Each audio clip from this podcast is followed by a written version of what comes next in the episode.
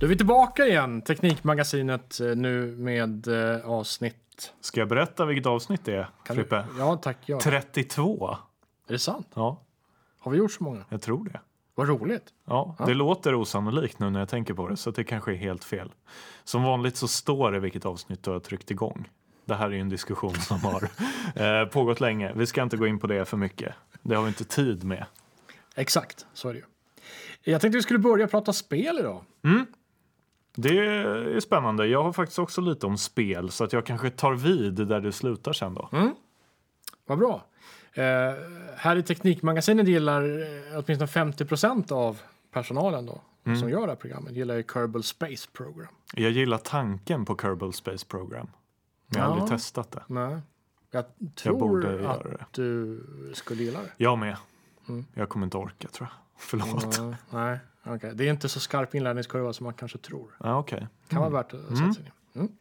eh, Det här är ju ett rymdspel som inte är alltså, så mycket ett spel som det är en inlärningsplattform för astrofysik ändå. Med en väldigt eh, obrant, vad heter det då, eh, inlärningskurva. Eh, det är lätt att Flack. Tack, precis. Väldigt lätt att ta till sig. Sen är det eh, enormt svårt att bemästra och ta sig till eh, planeter långt bort i det här solsystemet och så. Men, men att fatta grunden Eh, till hur grejer funkar och hur det hänger ihop, det, det är ganska lätt. Eh, I det här spelet så är det ingen som ska dö, det är inga bilar som ska sprängas i luften, inga pengar ska stjälas, utan man bygger rymdskepp och besöker planeter och så får man vetenskapspoäng genom att utforska andra världar. Jag tycker det är ganska vackert. Vi vet att eh, före mars nästa år, för det måste vara mars för då kommer eh, deras, eh, räkenskap, deras brutna räkenskapsår, de måste leverera spelet före mars. Sägs det i alla fall.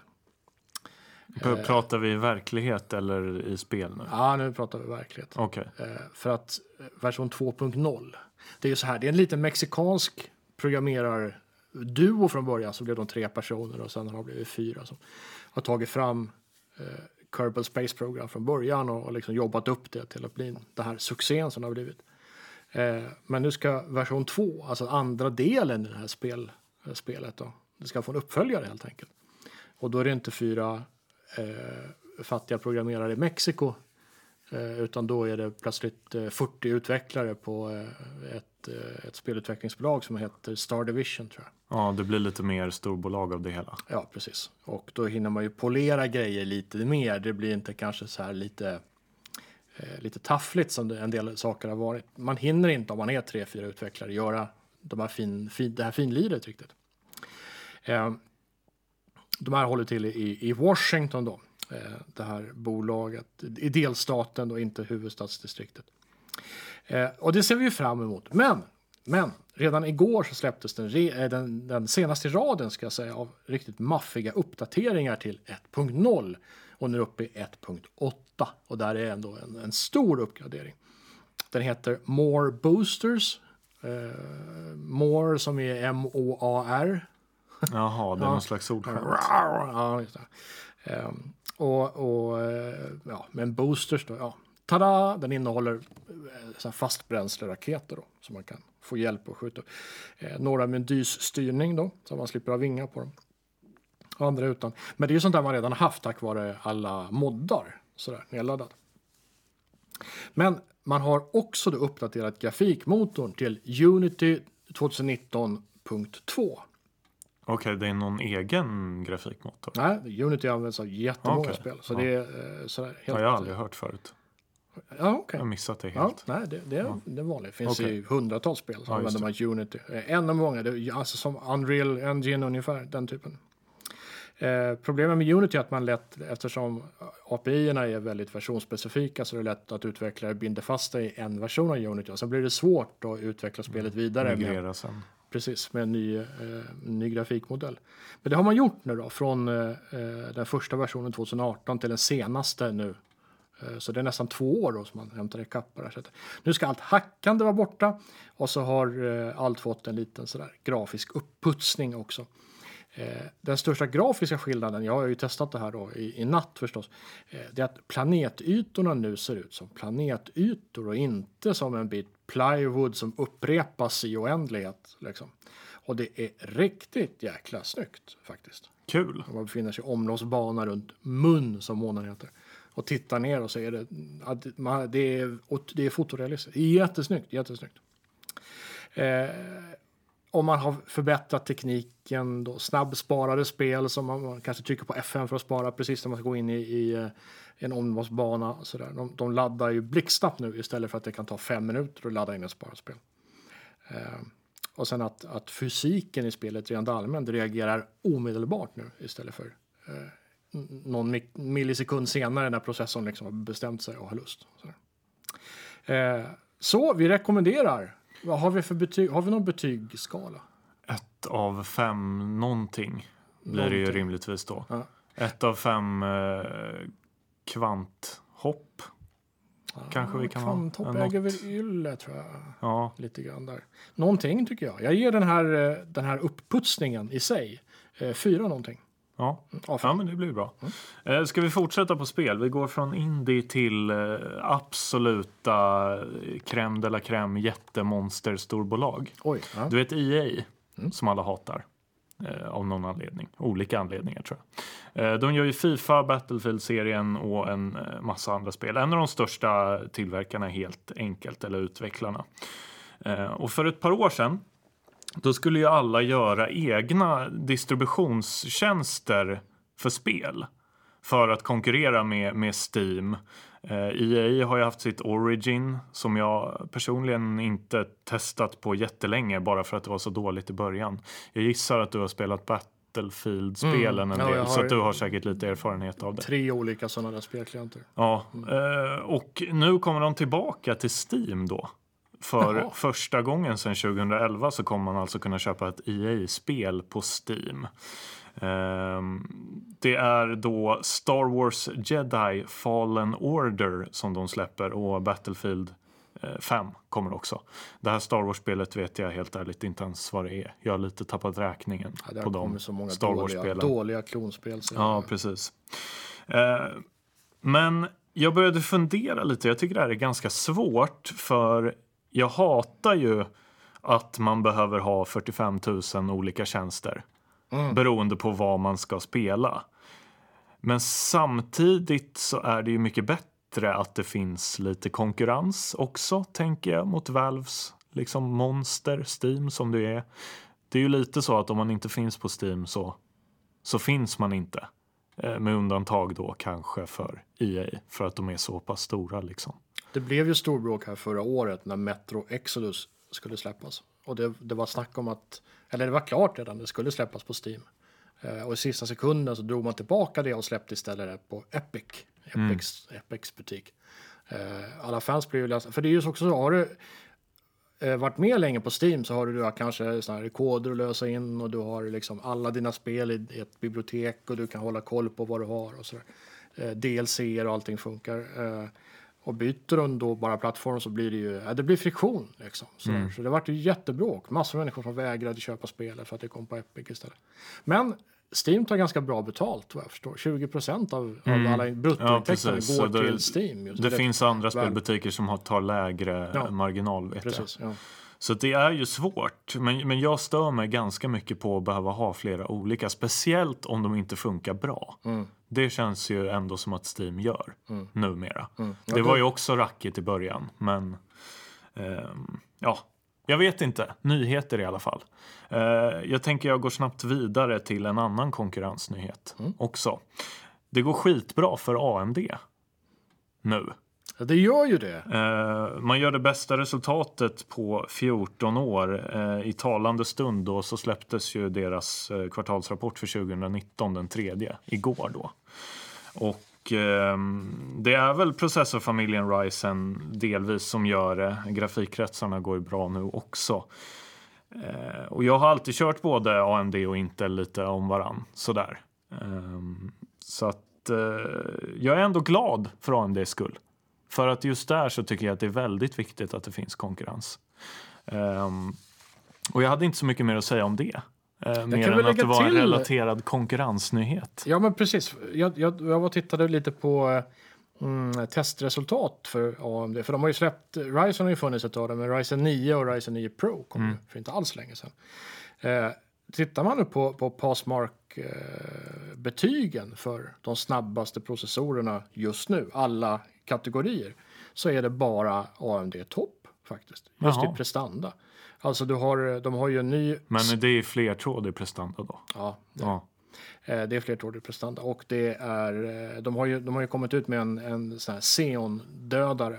Intel Xeon-dödare. Den heter Epic och den kostar ju som en eh, inte så liten bil. ja, det var ju deras gamla serverproppar som hette så. Men det finns någon mer konsumentanpassad version nu tror jag. Ja, för- alltså den ligger ju till grund för hur Ryzen, eh, Ryzen-processorerna jobbar. Med högt, eh, hög grad av parallellitet eller, eller eh, vad heter det? vektorkapacitet, man brukar prata om också.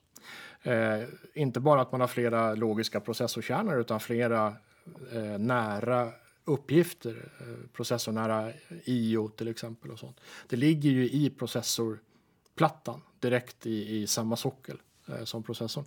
Eh, och det gör att du får väldigt snabba svarstider internt. Eh, så här första nivå cache och, och eh, IO och sånt.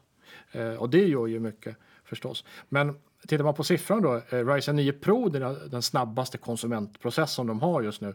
Eh, Passmark är ju känt. Eh, ett av flera sätt att mäta en processors hastighet på, men ett vedertaget sätt. Då. Och eh, 9 Pro eh, har då i snitt 33 303 Passmark-poäng där Intels Core i9 på 3 GHz klockar in på 29 490 poäng. Så det skiljer alltså eh, ja, eh, vad blir det? nästan 10% i prestanda mellan Intels dyraste bästa och AMDs dyraste bästa.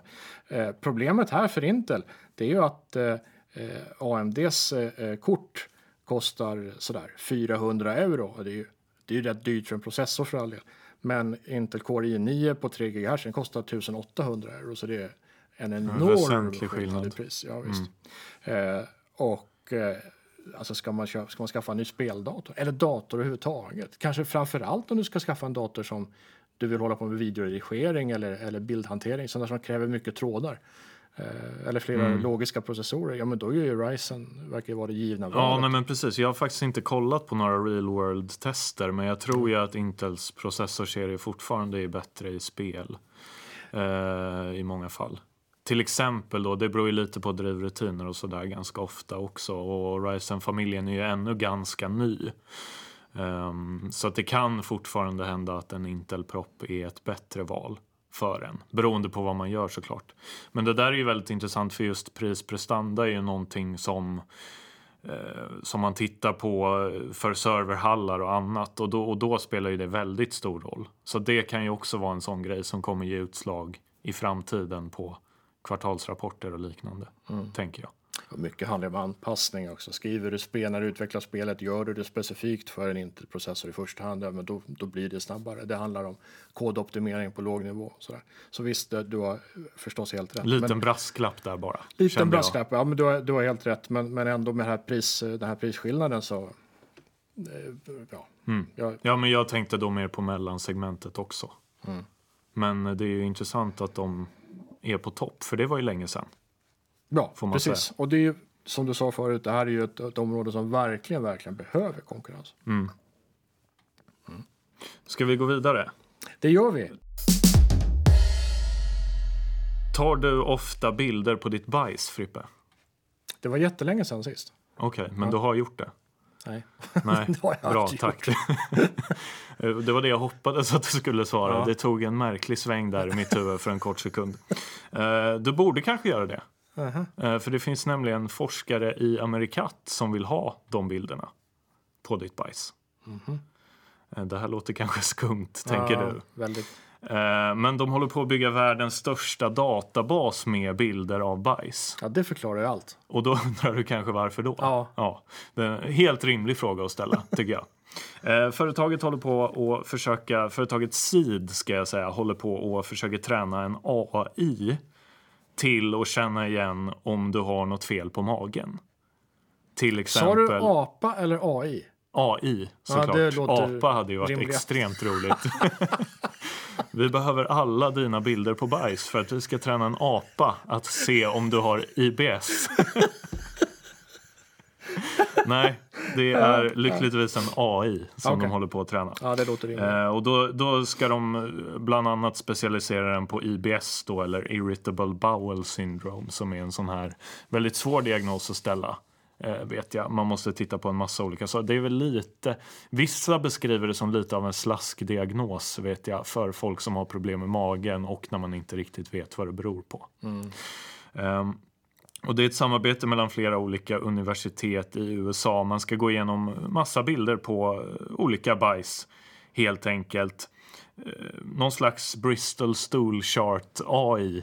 Eh, den här skalan från 1 till 7 som beskriver bajs. Ett, det finns en sån alltså. Ja, känner du inte till Bristol Stool Chart?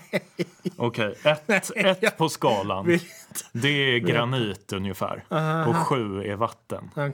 Eh, och tre tror jag är någon slags eh, fluffiga klumpar. Mm. Eh, en, kanske den äckligaste skalan, men ganska välanvänd inom vården ändå. Går man runt som om man är proktolog så har man, jag tänker i gra, den grafiska svängen, där har man ju här Pantone-kartor som man går runt med och kollar Mm. mot väggar. Nej, men det här alltså är en det- Pantone 360. Ja, nej, men alltså, det ja, finns en sån karta som är ganska klassisk ändå. som- Jag frå- tror att de flesta har sett en bild på Bristol Stool Chart faktiskt. Mhm. Jag är förvånad över att du inte kände till det här, men det kanske är jag som är omogen också och tycker att bajs är lite kul. Eh, man får skicka in precis hur många bilder man vill. men man får inget betalt. Nej. Det man kan få är någonting som du då kanske skulle behöva. Man kan vinna en t-shirt med Bristol Stool Chart på, till exempel. Om man nu skulle vilja ha den. Eh, hittills har Så man man... får ingenting betalt. Man måste ju vara någon slags avföringsaficionado för att vilja Ja, men det har funnits några sådana här klassiska olika sajter. Ratemypoo.com finns till exempel. Vad lever Där du man för kan liv? få betyg. Nej, jag, jag vet Alltså det här är ju sånt som man på något sätt såg i mellanstadiet. Såna här Ja. grejer som snurrade. Eh, I alla fall. Men, men eh, hur som helst, så de, de har tidigare använt eh, lermodeller och sådär för att träna den här AI. Men nu har de väl kommit fram till att det blir liksom inte exakt nog. Utan de behöver ha massor, massor, massor av riktiga bilder. Mm. eh, För att få till det, helt enkelt. Så spännande ändå. Det, det borde ju vara ett ganska, man använder ju liksom avföring ganska, eller för, för en del saker inom vården. Mm. Man kan liksom ändå se eh, hur magen mår Mm. på bajset. Så jag Mm. tänker att det kan bli en ganska intressant Ja, funktion är, eh, när den är färdig. Absolut. Skitspännande. Men förfarandet är ju kanske lite konstigt. Eh, får man säga. Mm. Jag kommer nog inte skicka in några, några jag, bilder. jag tror jag. inga som Det känns som att det krävs en speciell människa för att... Med speciella intressen. Ja, precis. Mm, nog om det. Ja. Eh, visste du att universum rör sig för fort? Det går för snabbt. Mm, nej. Ja, det är ett riktigt problem där. Alltså sen, sen Edwin Hubble satt och mätte med, med ögat mot sitt teleskop så har vi vetat att universums expansionshastighet, hastigheten som varje objekt har i, i relation till ett annat objekt, eh, den, den expansionshastigheten är 70 kilometer per sekund per megaparsec. Eh, parsec känner du till, det är defini- definitionen av det avstånd eh, varifrån radien i jordens bana kring solen syns under vinkeln en bågsekund. Mm. Alltså, det, det kände du. Du ser lite frågan ut. Nej, okej. Eh, tre- 3,2-3,3 ljusår ungefär är det en parsec. Okej. Så per megaparsec, per mm, 3,26 miljoner eh, ljusår. Och det är ju rätt lite i universums, eh, universumskalan. Liksom. Eh, så har två objekt eh, hastigheten 70 eh, km per sekund eh, ifrån varandra. Det är det som är expansionen. Det här har varit en konstant. Man har räknat det som en, en konstant, inte en variabel utan en konstant. Det här är lag, det är så här det är. Det är uppmätt, klart, eh, fixat gjort. Eh, och förstås är det ju så också att tittar du två, två miljoner parsec ut, ja men då är hastigheten eh, det dubblar 140 km per sekund. Alltså ännu längre så. När du håller på så där och, och, och adderar ihop de här talen så när du kommer en bit tillbaka så har du plötsligt ett tal som är högre än ljusets hastighet. 300 000 km per sekund. Så. Och hur går det till då? Då har du ju två objekt som färdas relativt till varandra i ljusets hastighet. Och det är ju det vi har kallat för vår händelsehorisont. Alltså allting som sker bakom den gränsen där objekt förflyttar sig snabbare än ljuset ifrån oss relativt sett. Det är en del av universum vi aldrig kommer att kunna se eftersom ljuset från det försvinner från oss snabbare än, det, mm, än vi kan närma oss det. Så att säga. Eh, och det här är ju ett, ett problem. Hubbles konstant kallas det. Men det visar sig att den inte är så konstant. För, för att mäta så stora avstånd då, då pratar vi alltså buntar av galaxhopar. Eh, då använder man supernova-modellen. Vi vet hur mycket energi en supernova avger och så vet vi eh, hur ljus avtar på avstånd. Eh, så att mm, när vi då mäter en supernovas energi, alltså subjektivt, vår, vår, vår bild av energin, då, så kan vi också få fram ett avstånd till den här supernovan och galaxen den befinner sig eh, trodde vi. Men nu visar det sig att olika mätmetoder ger olika svar. Rödskiftsmodellen, alltså att eh, ett eh, spektrum en frekvens dras ut eller trycks ihop beroende på om det rör sig mot eller från oss. Eh, det ger ett svar. Modellen som säger att ju snabbare en galax roterar runt sin axel desto mer ljus avger den. För så är det också. Ja, den ger ett tredje svar. Så nu vet vi plötsligt inte längre hur gammalt universum är. Eller hur långt bort grejer är i universum. Så, speciellt inte när vi inte kan se dem längre. Så har vi ingen möjlighet att teoretiskt avgöra hur långt bort de är. Ehm, tur för vetenskapen då, det diffar rätt lite i de här eh, prognosmodellerna. Men, men ändå. Det måste ju ändå paja ganska mycket. Det pajar teorier. jättemycket just nu. Och det, det, här, det här sitter nu eh, eh, de riktiga proffsen på ämnet, då, astrofysikerna och de, de, praktiska matematikerna och försöker hitta ett svar på. Men eh, det, här, det här har ställt till det. Spännande. Mm. Vad, vad kan det betyda liksom? Eller vilka... Vad är de viktigaste sakerna som vi behöver riva upp nu? Universums ålder är ju såklart en stor ja, sak. Alltså problemet är att allting som har med det här att göra, det handlar ju om allt ifrån att eh, kunna avgöra eh, sträckor, enormt stora avstånd och sådär. Eh, det i sin tur hänger ihop med det vi kallar för mörk materia och mörk energi. Eh, vad har de i så? I ett förändrat universum, vad har de för påverkan på gravitation till exempel, eller på, på eh, universums massa och sånt där. Det i sin tur hänger ihop med eh, ända till den minsta nivån med kvantfysiken. Eh, vilka, eh, vilka små byggstenar i universum kan vi förvänta oss? Eh, de och de olika spänningarna eller elektriska laddningarna. Eh, så, så att det, här, det här kan potentiellt förändra jättemycket. Men det är ju därför man säger också att allting är ju, eh, alla sådana här rön är ju teorier. Teorierna måste beläggas och de kan beläggas och beläggas och beläggas i all framtid. Eller så kan man hitta någonting som kanske, nej det här, det här stämmer inte, då får man backa och så får man göra om. Så vi får se. Det kan ju ta lång tid innan man, man hittar en ny konstant i det här fallet. Mm. Mm. Knepigt. Det är knepigt, men spännande. Eh, när vi ändå pratar om om rymden tänkte jag prata om Spotify. Okej. Okay. Musikrymden. Det var en dålig åsikt. Ja, jag tänkte att du skulle knyta ihop det på något snyggare sätt. Men jag, ja. jag låter den passera. eh, Spotify, vi försöker ju undvika att nämna varumärken när det går. Det finns inte så många. Det är Tidal och Spotify. That's about it. Apple, ja, Music. Apple Music och, och Youtube. Men det det är ett fåtal stora spelare. Eh, Spotify är fortfarande störst. Eh, de släpper nu en version av sin eh, klient specifikt för barn. Jaha. Mm. Eh, och i den här barnappen så kan du som förälder styra dina barn, eller inte dina barn, men utbudet för dina barn i alla fall. Välja om de ska ha tillgång till musik för yngre eller, eller äldre. Sådär. Eh, och så kan man välja en avatar och så kan man ha flera användarprofiler på samma Spotify Kids-konto. Eh, det här ser färgglatt ut med eh, animerade figurer. och det ska vara då mer användarvänligt för eh, trubbiga fingrar. Eller åtminstone ja, fingrar. Större knappar och sådär. Ja, precis. Eh, fingrar med mindre fin motorik. Eh, så. Mm, och så är det reklamfritt då. Eh, så. Vilket är naturligt för det här är en tjänst du måste betala för. Eh, Spotify Kids kommer först att släppas som en beta i Irland som är en populär testmarknad för att testa nya grejer på i liten skala innan man lägger ner dem. innan man släpper dem till större eh, användargrupper. Eh, det här innebär att tycker man att eh, Harry Brandelius, en sjöman älskar havets vågor, lite för eh, metal för dina barn så, så kan man då eh, välja bort just den sortens eh, death metal. Så i teorin så kan man låsa sina barn till att bara lyssna på death metal också? Det kan man. För det var det första jag tänkte på. Det var naturligtvis. Eh, ja, det, det går Mm. bra. Mm. Genre, man väljer genre eller specifika artister. Mm. Det var det. Barn Spotify alltså.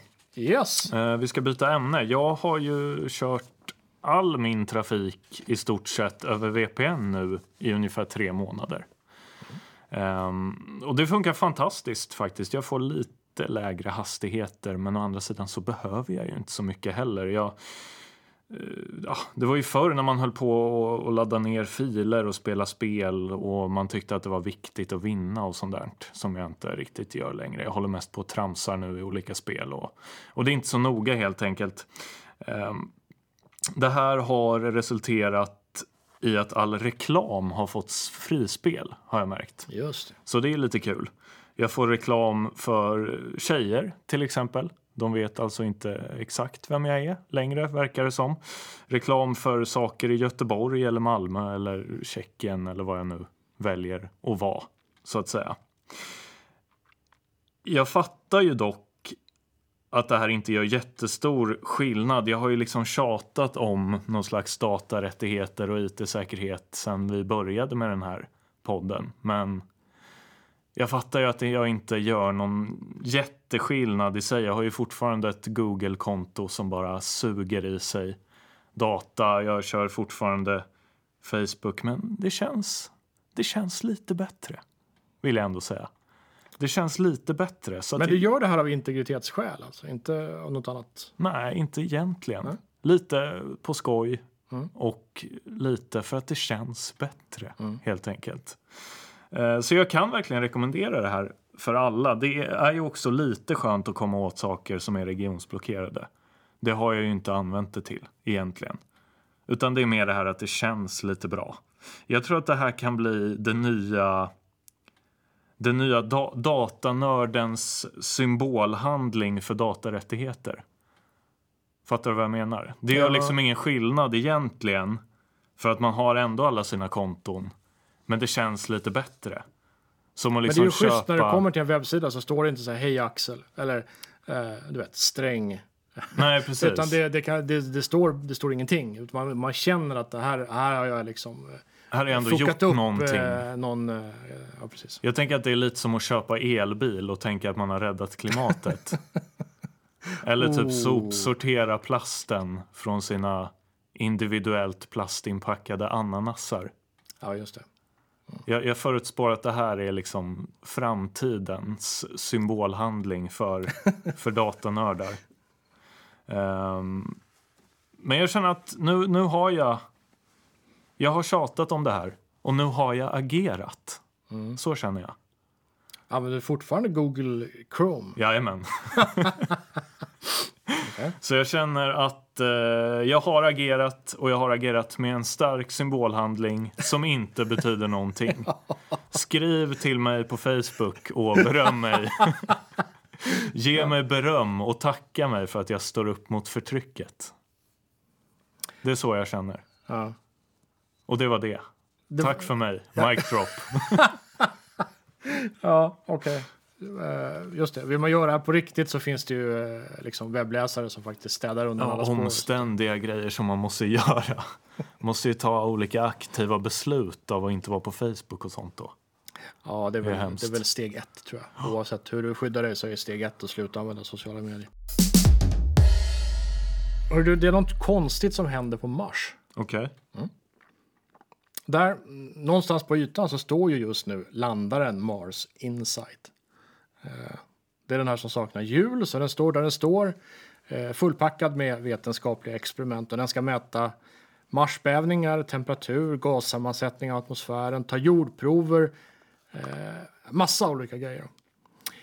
Men framför allt, ett av huvudexperimenten är att den ska bulta ner ett spett i marken för att mäta temperaturavvikelser, olika lager av Marsytan. För det visar sen också på sikt har man tänkt eh, om eh, Mars fortfarande har flytande kärna eller inte. Och där hänger upp med magne- magnetosfären då och eh, hur man ska få atmosfären att hållas kvar. Och så här. så det är ett viktigt experiment ser man det som. Då. Och de håller på att bulta ner det här spettet i marken i, i veckor. Lite varje dag. Trycks ner i, det är ju permafrost på Mars, det är ju is. Ungefär som eh, ombyggnationen här i Västra hamnen. Det dunkade över stan i flera månader. I evigheter. Slog ner pålar. Exakt, ja men precis, fast i lite mindre skala då. Eh, och eh, det här följde ju då eh, teknikerna på, på jorden och med en kamera så de kunde se hela tiden hur det gick. Plötsligt så ser jag på, på en av kamerabilderna hur spettet plupp, åker upp lite igen. Okej, jag blir lite rädd känner Ja. jag direkt. Konstigt. Står någon kille där nere med ett finger och trycker upp den. Det finns liksom ingen funktion för att någonting ska åka upp ur ett hål i permafrost. Alltså gasutsläpp kan man tänka sig, men det, det finns inte där. Det vet vi redan. Eh, Jaha, så att Mars Insight då, den, eh, man ger den nya instruktioner, fortsätt bulta på spettet. Så den bultar ner den igen, den åker ju snabbt ner i hålet den redan har gjort. Och sen fortsätter den åka ner och ner i hålet. Och sen plötsligt plupp, så Nej, Ja, åker den upp igen. Ja, och det här händer fyra, fem gånger. Eh, nyligen hände det femte gången då. Eh, och eh, den här lilla Insight-roboten den fortsätter snällt att hamra ner lite till. Tills för häromdagen när spettet verkligen fick fart. Då var det inte bara plupp uppåt någon centimeter. Halva spettet åkte upp ur jorden och la sig snett i hålet så att det går i princip inte för roboten att få grepp om det igen för att bulta ner det på nytt. Och ja, man, eh, Nej man har ju en man teori. Alltså, mer? nej, eh, NASA har skickat ut ett pressmeddelande och där står det, översatt från engelska, att Marsjorden uppvisar egenskaper som normalt inte går att tillskriva enkelt förklarade geotermiska eller geofysiska samband. Jag tror att det här betyder just ordagrant att man har inte en Det aning. var obehagligt. Och så har den inte funktionen för att greppa tag i spettet. Nej. För att man inte har tänkt sig att det där ska hända. Det. Tänk också den stackars roboten som inte ens har hjul och kan fly från det här spökhålet på. Mars. Den står helt ensam, helt still. Ja. Men alltså vad kan det vara? Ja. Jag begriper inte. Även om det hade varit gasutsläpp så det är det, är det här metallspett. Det ska Ja, det borde kunna... ha pyst upp på sidorna då, Ja, jag. ja Speciellt inte hade det hela spettet åkt upp ur eh, Nej. sitt hål plötsligt. Det här är jättekonstigt. Det Ingen har något svar än. Vi får väl återkomma och se. kanske finns marsmullvadar. Eh, De har teknikerna sagt också att de kommer att titta lite mer intensivt på den här videofeeden här kommande. Ja, det Veckorna. kan jag nog tänka mig om jag ska vara helt. Ja. Nej, vad obehagligt. Usch. Ska vi ta avsluta med en, eh, en grej om Elon Musk? Han är ju ofta med här i vårt eh, program. Han gör ju Handlar massa det roliga grejer. träd kanske? Nej, det gör Nej. det inte. Okej. Ja, du ser, vi kan komplettera varandra kanske. Eh, han blev ju tidigare år stämd av en, eh, en av de här grottdykarna som räddade livet på thailändska och mm, burmesiska pojkar. Var det. eh, som fastnade i en, en grotta i, i Thailand. Eh, och han kallar den här livräddaren pedoguy, alltså pedofil eh, snubbe. Otroligt märkligt. Men Jättekonstigt. Eh, han tog ju bort, Elon Musk tog ju bort den här tweeten så småningom. Eh, förstås. Eh, när han nyktrade till eller så, vad vet jag. Men då var ju skadan redan skedd. Han hade ju kallat en livräddare för pedoguy och det ser ju inte helt bra ut. nej. Ehm, om du blir stämd i USA på pengar så har den som stämmer dig rätt att få veta vad du har för tillgångar. Alltså du, du är god för beloppet du stäms på. Det finns en klausul om det här. Så då, då måste man lämna in eh, då underlag här. Och då visar det sig att Elon Musk har varken pengar eller någon åtalsförsäkring. Och åtalsförsäkring det är ett måste för företagsledare i USA. I och med att du kan bli stämd på så enorma belopp så måste du vara försäkrad just specifikt för den typen av eh, juridiska händelser. Eh, han är i stort sett helt pank. Han Jaha. har inga pengar alls. Eh, han har förmögenhet på 23,5 miljarder dollar, men de är upp, uppbundna i aktier eh, i eh, Space Exploration Technologies, som SpaceX heter egentligen.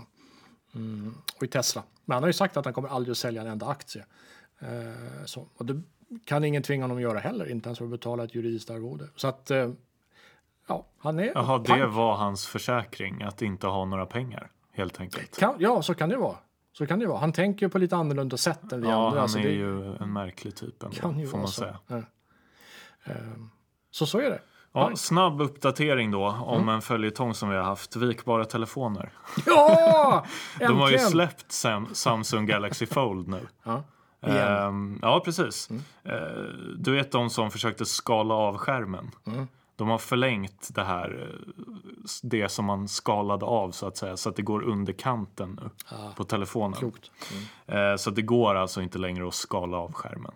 Det är ju bra ändå. Ja, ja. Eh, de har lagt till någon liten plupp så att det inte kommer in skit innanför skärmen. Som det problemet hade ju vissa. Att det bara uppstod någon slags böld på skärmen. Och sen så dog den. Men köper man telefonen så kan man... Då, då har de ett specialerbjudande. Och det är att de byter ut hela skärmen för 150 dollar. En gång. Den brasklappen gör ju att man känner sig lite osäker Ja. på om man vill köpa den här telefonen. Kanske. ja, för 150 dollar också. Ja, det är ju säkert rätt billigt för skärmen i sig. Förmodligen, men, Men här att- får du en telefon som förmodligen inte har en skärm som kommer att hålla särskilt länge. Och när den går sönder så byter du ut den, men du kommer få pröjsa ytterligare 150 Ja. dollar för det. Men alltså att möjligheten ens finns gör ju att man blir rätt så misstänksam ändå. Ehm, känns kanske inte riktigt som att man borde ha släppt produkten med den här jättebrasklappen överhuvudtaget. Men Känner har, jag. har de något val då efter all kalabalik kring det här? jag vet inte, och säga jag tänker- nej. Jag tänker väl också att om man nu väl går och köper den där så är man väl ganska införstådd med hela problematiken. De är ju ofta galna såna här early adopters som du ibland är. eh, nästa månad så kommer Huaweis variant i alla fall. Så då får vi se. Men då utan Android skulle jag tro. Ja, jag vet inte riktigt hur det har blivit med det där. Eh, de har ju utvecklat någon, eh, någon eh, fallskärm där, något eget OS. Jag minns inte vad det heter nu. Men vi får se helt enkelt. Det kommer fler vikbara telefoner Ja, det gör sannolikt. det garanterat. Som förhoppningsvis håller lite bättre. Med det då så är det väl slut för idag. Ja, vi får tacka för oss helt enkelt. Avsnitt eh, kanske 32, kanske något helt annat. Jättekul Eh, att vi- just du lyssnar. Kommer tillbaka nästa månad. Gör vi. Det gör vi. Hej! Hej då! Ja, vi kan inte inleda med förlåt. Yay! Ja, helt okej.